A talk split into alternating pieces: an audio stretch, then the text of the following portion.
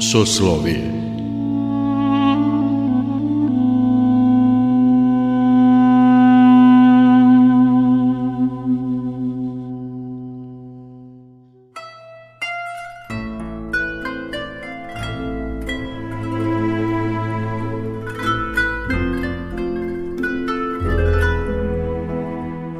Dobroveče.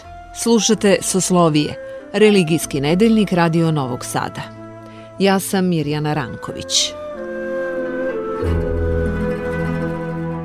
Tri velika hrišćanska praznika biće tema večerašnjeg Soslovija. Hrišćanima koji slave Uskrs po Gregorijanskom kalendaru čestitamo – Pravoslavni hrišćani proslavili su juče sećanje na vaskrsenje pravednog Lazara ili vrbicu, a danas ulazak gospoda Isusa Hrista u Jerusalim ili cveti.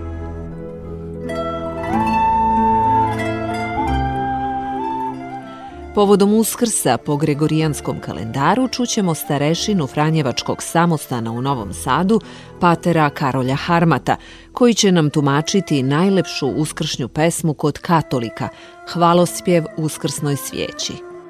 Katolička crkva na Veliku subotu slavi obred i taj obred ima tri dijela. To je zapravo već obred Uskrsa, jer Velika subota je aliturgijski dan, znači dan, jedini dan u godini kada nema nikakve liturgije.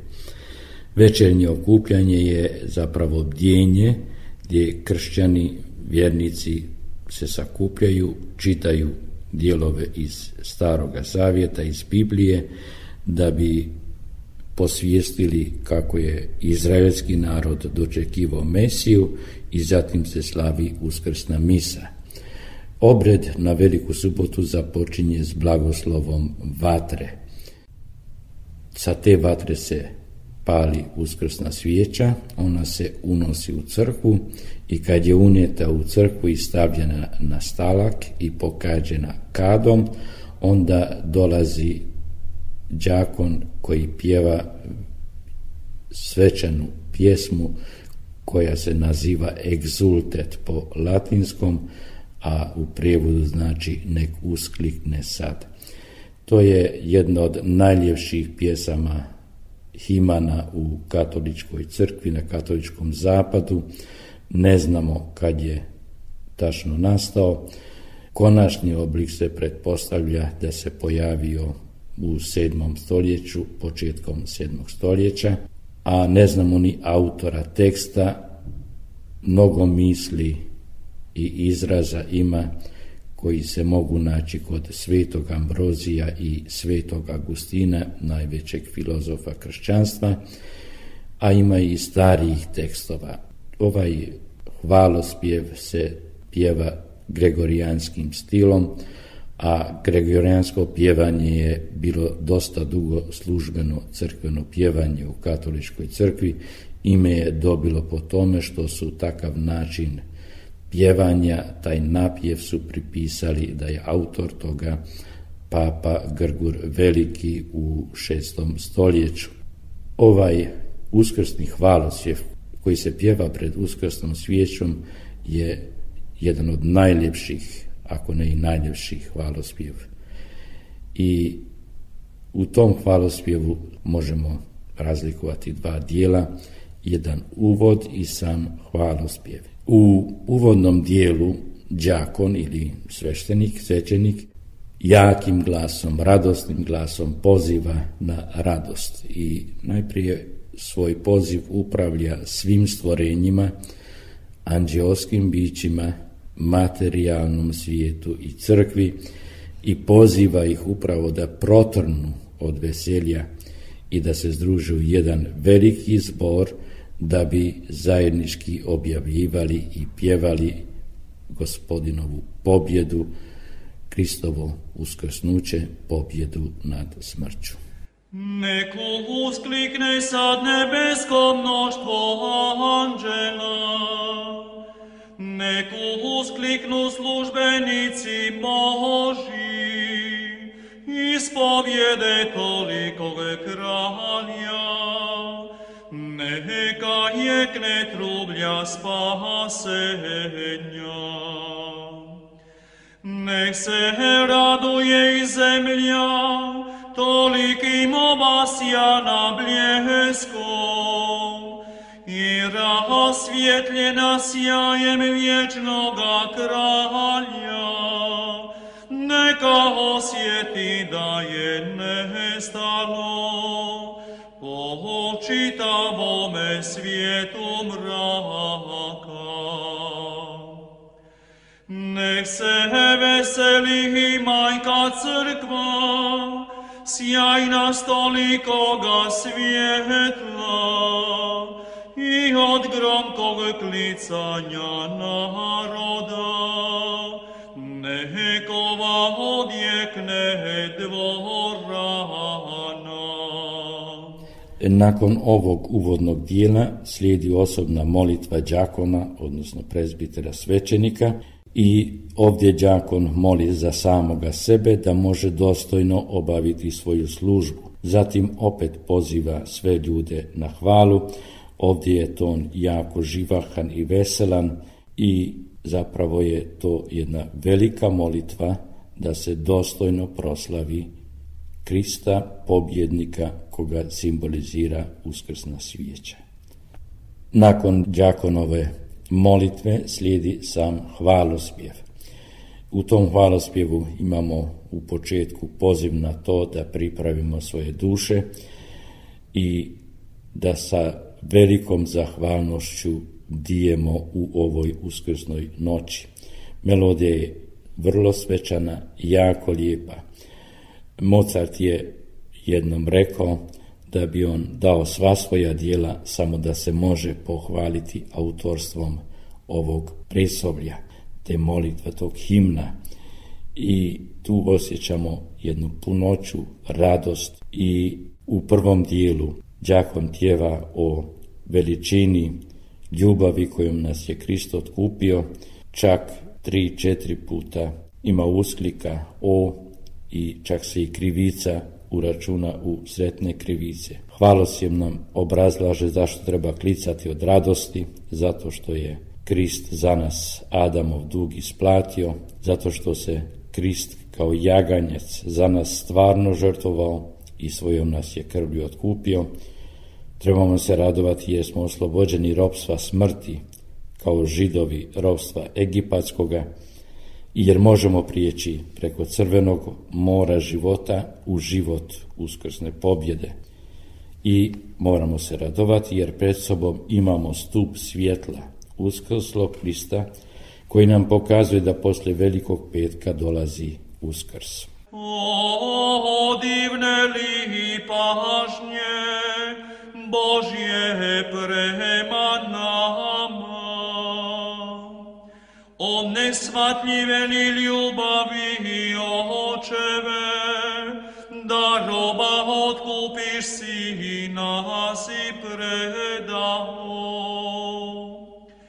O zaista potrebna Adamova grijeha, što ga smrt Hristova O, sretne li krivice, koja je zavrijedila takvog i toliko god kupitelja.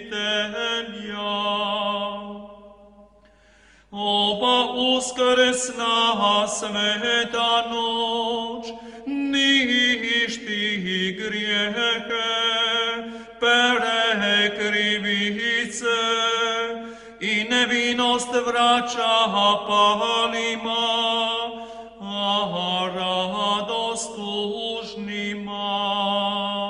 Nakon tih dubokih teoloških poruka dolazi sama meditacija o svijeći, o simbolici svijeće i njezina plamena.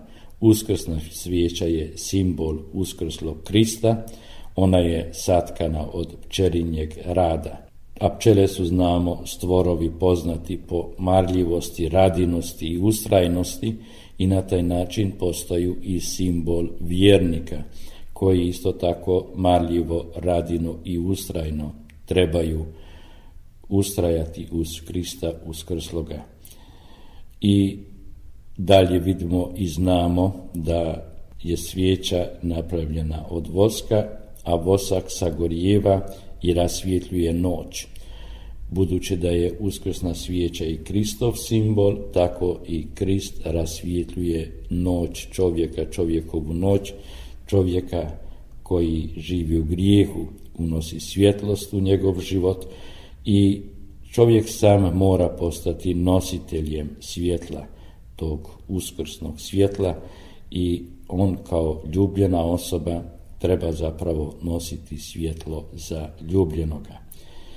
I ne samo u uskrsnoj noći, kako u pjesmi pjevamo do dolaska zvijezde Danice, nego cijelog našeg života. I zato u milosnoj ovoj noći primi sveti oče našu večernju žrtvu hvale. Od pčelinjeg rada noćasti crkva, po rukama službenika, kao blagdanski poklon, prinosi ovu svijeću.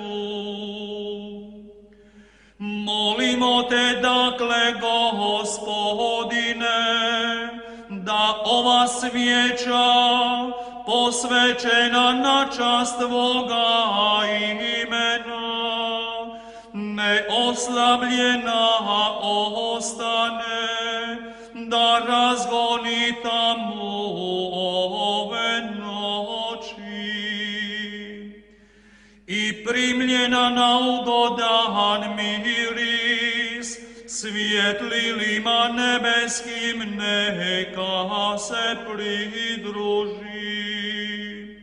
Plamen ovaj, jutarnja zatekla danica, danica koja ne zna zalaza, a to je Kristus krsnuli, povratnik od mrtvih, koji svjetli svakome čovjeku, te živi i kraljuje u vijeke vijekova.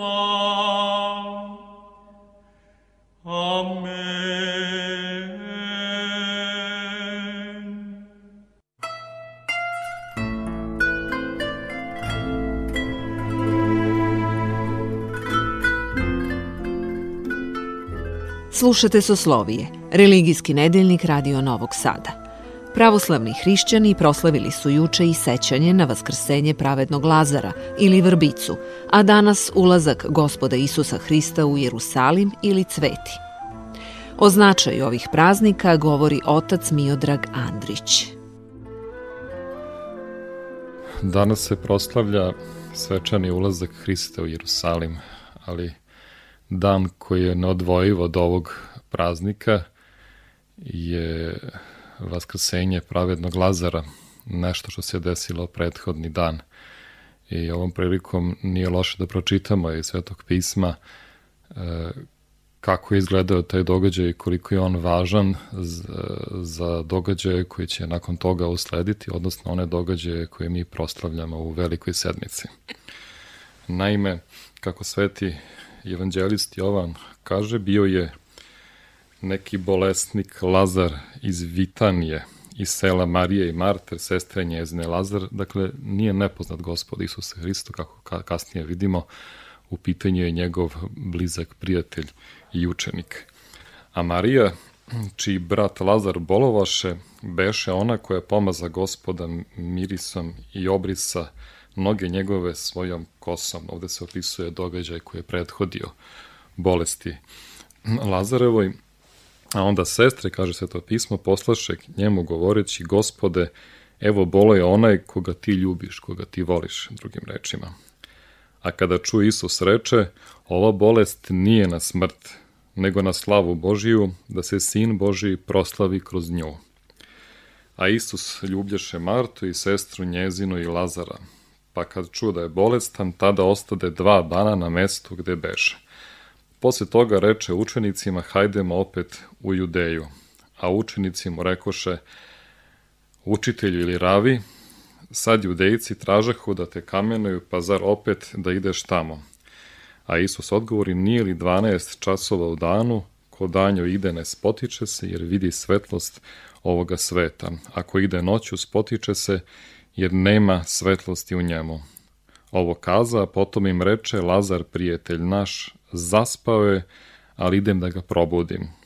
Onda rekoše učenici njegovi gospode, ako je zaspao, ustaće, ne znajući zapravo o čemu gospod priča, a Hristos je znao da je Lazar preminuo, ali e, san za Hrista je zapravo usnuće. I on je zapravo govorio o novom kvalitetu smrti koje će uslediti nakon ovog događaja, pogotovo nakon vaskrsenja gospodnjeg iduće sedmice. A Isus im beše rekao za smrt njegovu, oni pak mišljahu da govori o počinku sna. Evo i sam evanđelist tumači.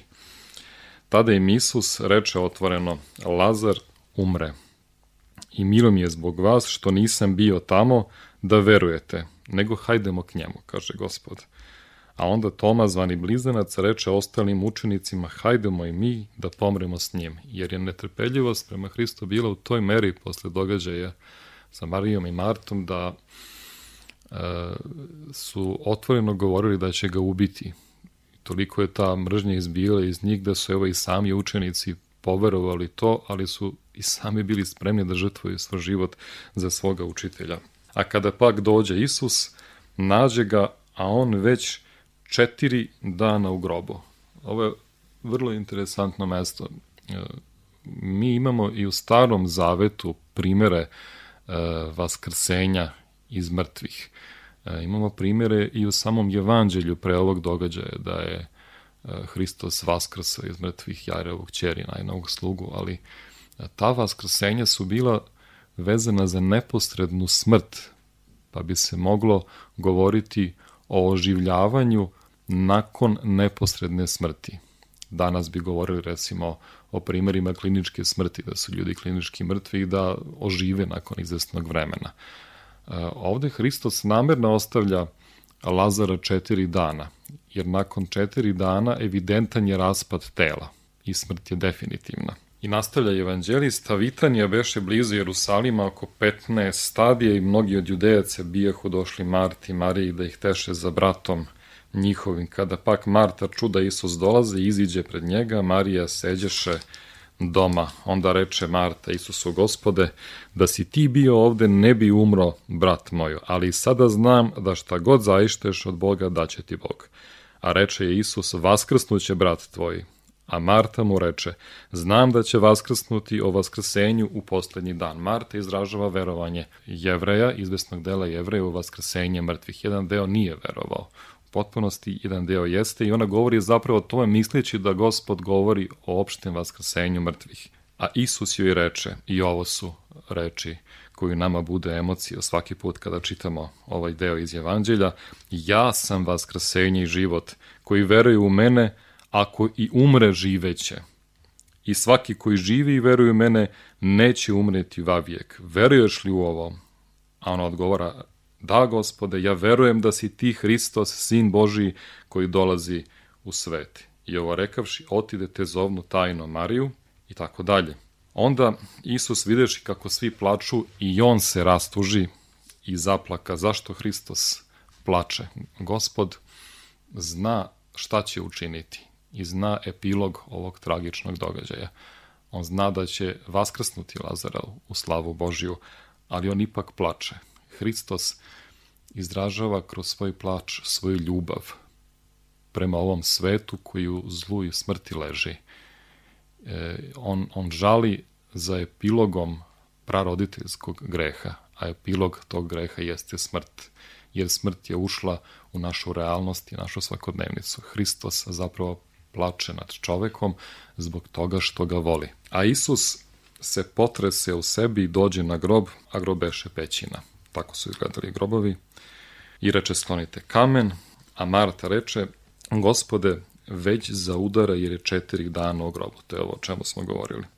Tada skloniše kamen gde ležaše mrtvac, a Isus podiže oči gore i reče, oče, blagodarim ti što si me uslišio, jer je Hristos već video uh, svojim božanskim očima kako je Lazar ustao iz mrtvih i to okolina nije videla, to se desilo u pećini, u mraku.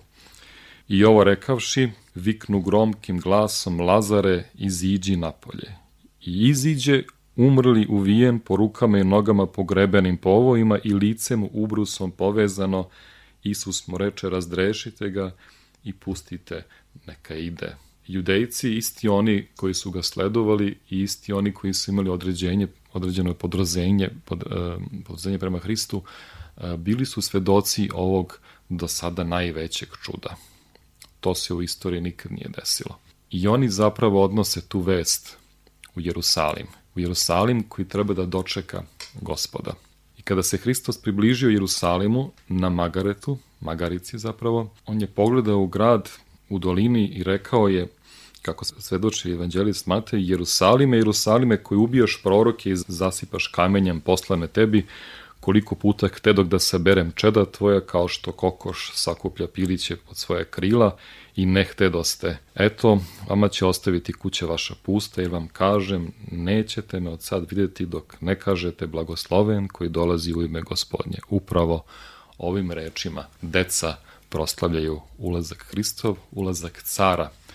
To je bila velika larma i galama zbog toga što su svedoci Lazarevog vaskrsenja odmah otrčali i svima rekli šta se desilo i da upravo taj koji je vaskrsao Lazara upravo dolazi u grad. I otuda Hrista dočekuju zaista kao cara. Ali Hristos ulazi sa smirenjem, ne u svečanim kočijama ili na belom konju, kako su carevi ulazili, nego kao smireni car slave. I istorijski gledano, veoma je važan trenutak u kome je Hristos proglašen za cara, jer na pitanje Pontija Pilata, da li si ti car? Judejski Hristos odgovara, moje carstvo nije od ovoga sveta. Zašto su se Hristu posebno obradovala deca, objašnjava otac Miodrag Andrić. Pustite decu k meni, kaže gospod. Zato što je svako dete naš prototip, naša suština. Zato što je dete čiste duše. Zato što dete prihvata Boga na onaj iskonski način. I zato što je to provorkovano u psalmima. To je slika proročanstva. Sve što se od ta dešava oslikano je u proročanstvima i zapravo su tu momenti oživljavanja onoga o čemu su proroci govorili. I taj doček dece koje ga proslavljaju zasipaju cvećem, palmama. Palma je simbol pobede. Mi imamo vrbicu, pošto nemamo palme, ali simbol ostaje isti. Ikone u kojima se Hristos oslikava su kontrasti boja.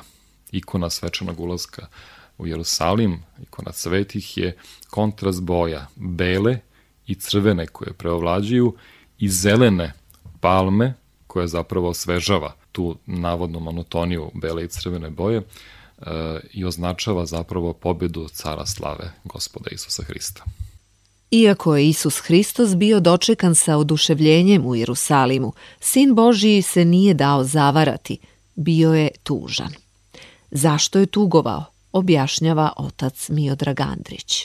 Gospod je bio tužan znajući za našu kolebljivu prirodu, znajući da će ta ista gomila, ista masa ljudi koju ga dočekuje e, i govorimo o sana na visinama, e, uskoro govoriti rastni ga rastni. I njegova tuga je zapravo zbog ljudskog pada i greha i neprihvatanja, slobodnog neprihvatanja Hrista kao sina Božijega.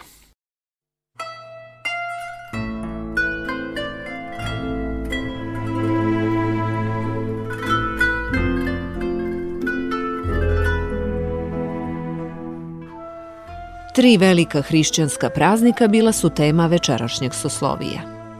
Povodom uskrsa po Gregorijanskom kalendaru čuli smo starešinu Franjevačkog samostana u Novom Sadu, patera Karolja Harmata, koji je tumačio najlepšu uskršnju pesmu kod katolika, hvalospjev Uskrsnoj svijeći.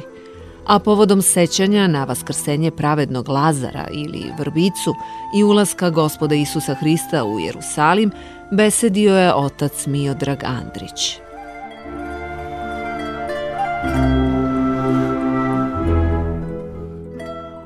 Soslovije realizovali Ton majstor Jovan Gajić, urednica emisije Mirjana Ranković.